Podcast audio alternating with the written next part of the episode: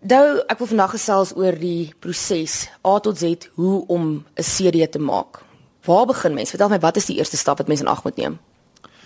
Gewoonlik as iemand my kom sien, dan sal ek eers sit en met hulle praat oor identiteit. Uh dit is dis baie belangrik dat 'n kunstenaar moet weet uh jy weet in watter styl hy wil sing en watter liedjies hy wil sing. Um ja, identiteit. Uh, dit is die belangrikste ding om te weet. Baie kunstenaars kom hier aan en dan en dan sê hulle vir my hulle kan enige ding sing. En dit is definitief nie waar nie. Ehm um, daar seker liedjies wat by kunstenaars pas beter as ander in style ook. So jy moet weet waar jy wil gaan en waar jy goed is en so en so dit is definitief die begin vir my is om met die kunstenaar te sit en te praat oor sy identiteit. Dan dan repertoire. Hoeveel Afrikaans, hoeveel Engelse liedjies en dit hang natuurlik af waar ehm um, waar jy 'n kunstenaar op pad is, is hy op pad na Afrikaanse mark of 'n Engelse mark toe. Hoeveel uh covers teenoor oorspronklike songs besluit word in die repertoire. As dit 'n baie baie bekende kunstenaar is, dan kan hy natuurlik meer covers doen, maar jy gaan jou breakthrough kry nie met 'n cover as 'n mm. uh, debuutkunstenaar nie, maar met 'n oorspronklike kunstenaar. So 'n deel van die van die challenge, as ek dit so kan sê, is om goeie oorspronklike materiaal te kry om op te neem by jou um um op jou album sodat dit ordentlik bemark kan word en dat jy hooplik dat die uh, publiek daarvan kan hou. So okay, repertoire en identiteit en dan produksie of eers eers uh pre-production soos ons dit noem. Dis wanneer die voorbereiding tot die produksie werk, uh om die sleutel te bepaal waar die kunstenaar gaan sing, die timing van die song, uh dit word beïnvloed deur die styl en uh wie ook al die verwerker is en so. En dan dan gewoonlik sit as hulle ek 'n guide track op sit en so en dan kan die hele produksie begin. Afhangend van van wat die styl dit is kan kan die musikante geboek word. Afhangend van wat die verwerking is dan besluit ons hoeveel programmering gedoen moet word en so en so daar's 'n hele produksie um, deel wat daar daar gebeur na die produksie en ek kan eintlik baie uitbrei oor die mhm. produksie deel is dit nat natuurlik die vervaardiging van die serie of eintlik eers die dan moet foto's geneem word en mhm. ontwerp gedoen word en so en dan die vervaardiging of soos hulle noem replication van dit uh met die vervaardiging van series is kom dan natuurlik 'n uh, wat ons noem 'n meganiese regte tantieme wat betaal moet word om die series te mag vervaardig in uh so die kunstenaar moet dit betaal vir elke cover wat hy doen of oorspronklike liedjies wat nie sy eie is nie mm. en goed dis die vervaardiging met ander woorde dan sit hy nou met die kopie in sy hand van die album of hy het sy album se hand en sy bokse series daar En dan begin die belangrikste deel eintlik. Ehm um, meeste kunstenaars wat my kon sien net dink hy die album en dan sal hy dit maak werk aan die einde. Maar dit is nie die waarheid nie. Jy moet jy moet eers beplan vir die eind. Waar is jou einddoel en dit terugwerk? Uh, jy moet dink aan die bemarkingsproses. Ek sê altyd moenie eers 'n album maak vir X bedrag geld as jy nie X bedrag het mm. vir die bemarking na die tyd nie. Dit help nie jy sit met al daai bokse series in jou slaapkamer nie. Jy wil dit daar buite kry. So dan moet jy besluit, jy weet hoe gaan jy wat is die bemarkingsstrategie wat jy gaan volg? Jy gaan 'n persoon moet kry om vir jou die radiostasies te gaan sien en die, en TV stasies te gaan sien en al daai programme te gaan sien om te kyk of hulle jou dalk op die begin bekende programme kan kry en onderhoude kan reël met met radiostasies um, om oor jou albums te praat. En dan die, een van die belangrikste goed is natuurlik uh om op te tree en die land vol te toer dat die mense jou kan sien, nie net op TV en op radio te hoor en so nie, maar dat hulle um oor die land geleentheid kry om jou te kan gaan kyk en die musiek te hoor.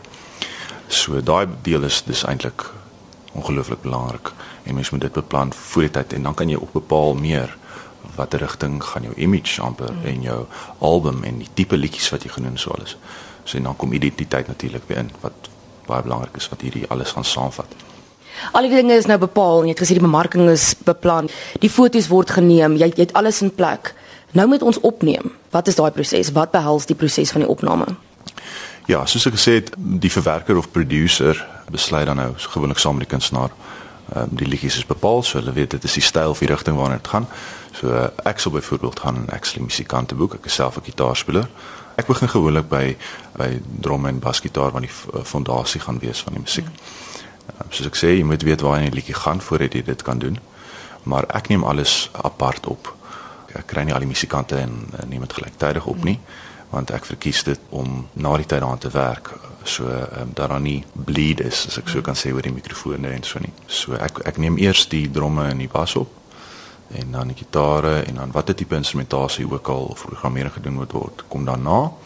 Daar's reeds in pre-produksie is daar reeds 'n guide vocal opgeneem. Mm.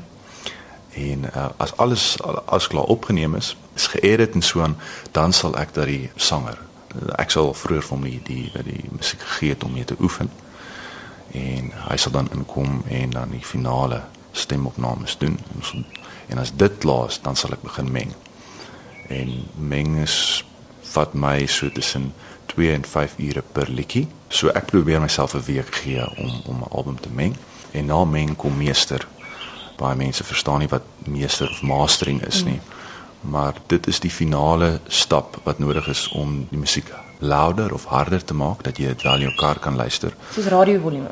Ja, natuurlik, natuurlik. Sodat wanneer jy jou album insit, uh, nadat jy Brian Adams se CD geluister het, jou musiek nie sagter is nie. En dan as jy is en jy sit met die meester in jou hand en jy is gelukkig met die album, dan gaan dit in vir soos ek gesê het, replication of vervaardiging van die CD self.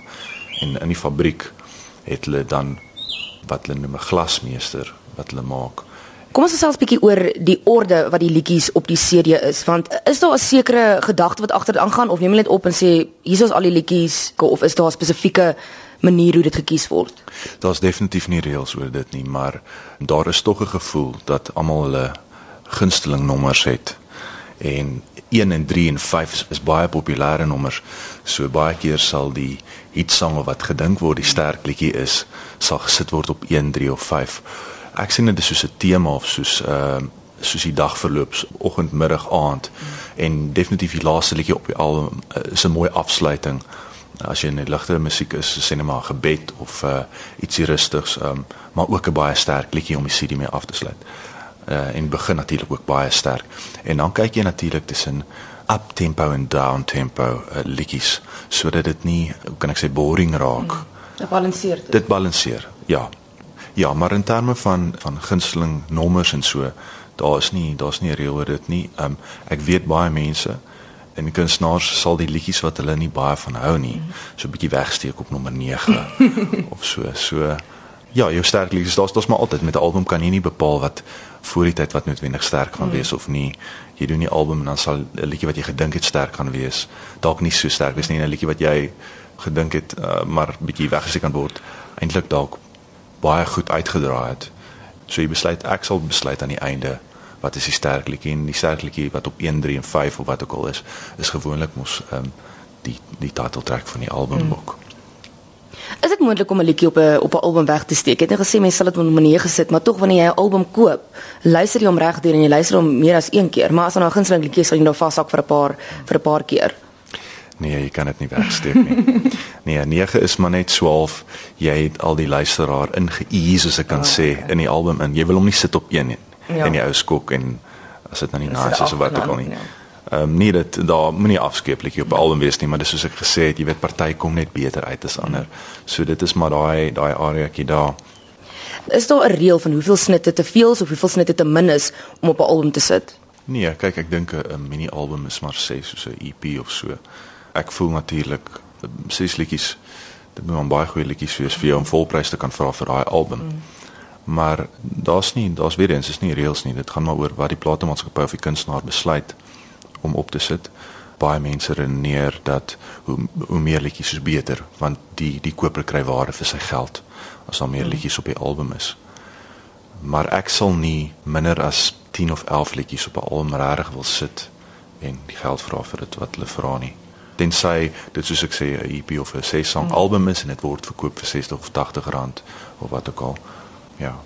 Kom ons gesels 'n bietjie oor die geld, dis 'n belangrike ding. Moet 'n kunstenaar die kans waag en skuld aangaan en dan die die proses aandurf of moet jy spaar en dan seker maak ek het genoeg geld om die om in produksie te gaan en die die risiko te dra dat ek daai geld gaan terugmaak?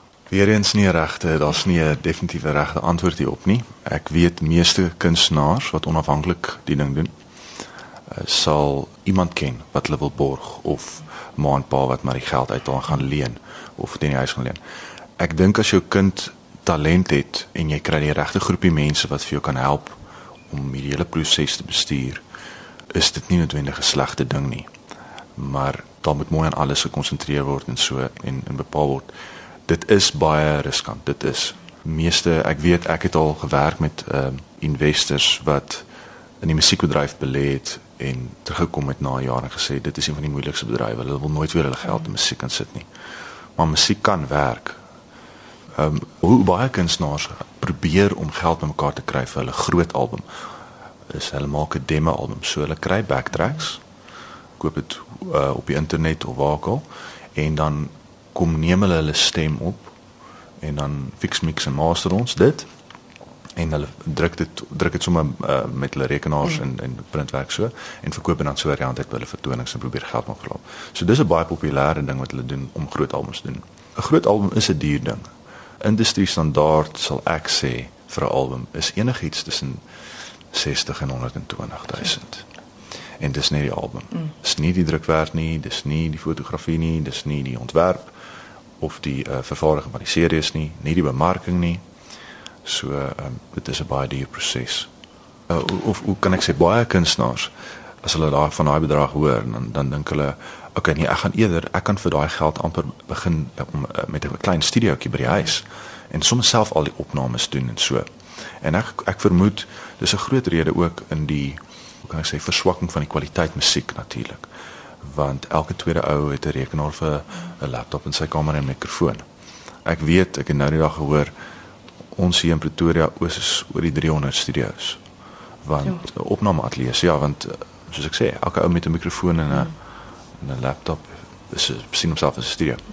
Ja, so die probleem is natuurlik die kwaliteit wat agteruit gaan met dit en ek glo ook nie dat 'n kunstenaar self sy eie album alles self moet doen nie, want hy kry nie objektiviteit in ter, in terme van die verwerking en die regie, so kan ek dit sou kan sê van die album nie. En hy kort iemand wat hom kan sê terwyl hy daai kan staan en sing. Jy weet, help met soos ek sê klemfoute en hoe om nie te sing en die uitspraak en al daai goed help luister. So ek dink nie is 'n goeie idee dat ouens dit doen. Nie goedkoop en dit self opneem nie, maar dit is hoe dit is. Nou het jy die geld en nou is jy gereed om jou album op te neem. Wat is wat is watter raad kan jy vir kunstenaars gee wat nou besluit, okay, ek is gereg om 'n album op te neem? Voorbereiding. Baie voorbereiding maak seker jou liedjie keuse daar jy het 'n baie groot liedjie keuse maar wat tog wat jy dink by jou styl pas. En uh, dat jy natuurlik goed ingeoefen en dit is dat jy al opgetree het met baie van dit en hooplik met jou oorspronklike liedjies wat jy geskryf het of wat jy liedjieskrywers gekry het om vir jou te skryf jy baie opgetree het met dit ook om te kyk wat die publiek se reaksie op jou oorspronklike liedjies is sodat jy die beste keuses maak vir jou album. Ja so liedjie keuse en soos ek sê identiteit voor die tyd definitief. En dan die bestuur van jou studio die opname tyd en met die verwerker of die studio eienaar sit en mooi daai tyd uitsorteer dat jy nie onnodige tyd mors nie. En dan van ook dat jy plan het waarheen jy gaan